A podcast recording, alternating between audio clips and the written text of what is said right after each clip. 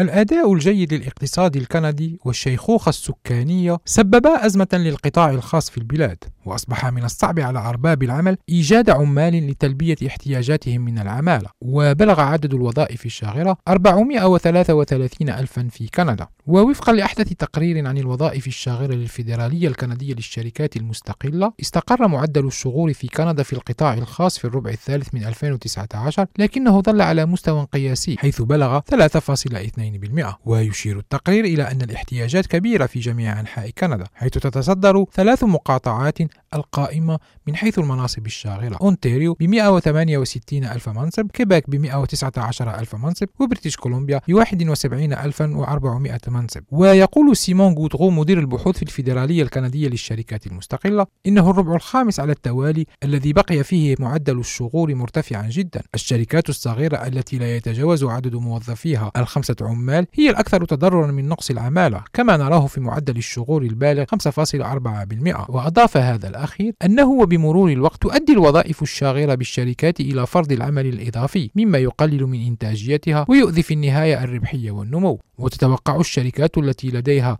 وظيفة شاغرة واحدة على الأقل زيادة في إجمالي الأجور بنسبة 2.3% مقارنة بنسبة 1.4% لأولئك الذين ليس لديهم وظائف شاغرة ومعدل الشغور في كيباك هو الأعلى في كندا حيث بلغ نسبة 4% في الربع الثالث من العام الجاري. وأثرت التركيبة السكانية والأداء الجيد للاقتصاد على احتياجات سوق العمل في كيباك حيث بلغ عدد الشواغر نحو 120 ألف وظيفة. C'est dans le secteur des services personnels que le taux de poste vacant est le plus élevé à 4,9% Donc, il y a 4,9% hein, si vous voulez, de tous les postes euh, dans le secteur privé qui sont euh, vacants euh, depuis au moins quatre mois au Canada au troisième trimestre.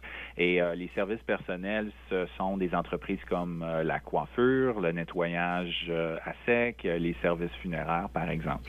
معدل الشواغر في قطاع الخدمات الشخصية هو الأعلى حيث بلغ نسبة 4.9% في القطاع الخاص في كندا في الربع الثالث. وشركات الخدمات الشخصية تتمثل في تصفيف الشعر وتنظيف الملابس وخدمات الجنازة على سبيل المثال كما قال سيمون غودغو وهذا هو الربع الثامن على التوالي الذي جاءت فيه كيباك وحدها أو مرتبطة مع مقاطعة أخرى في المرتبة الأولى من حيث معدل الشغور.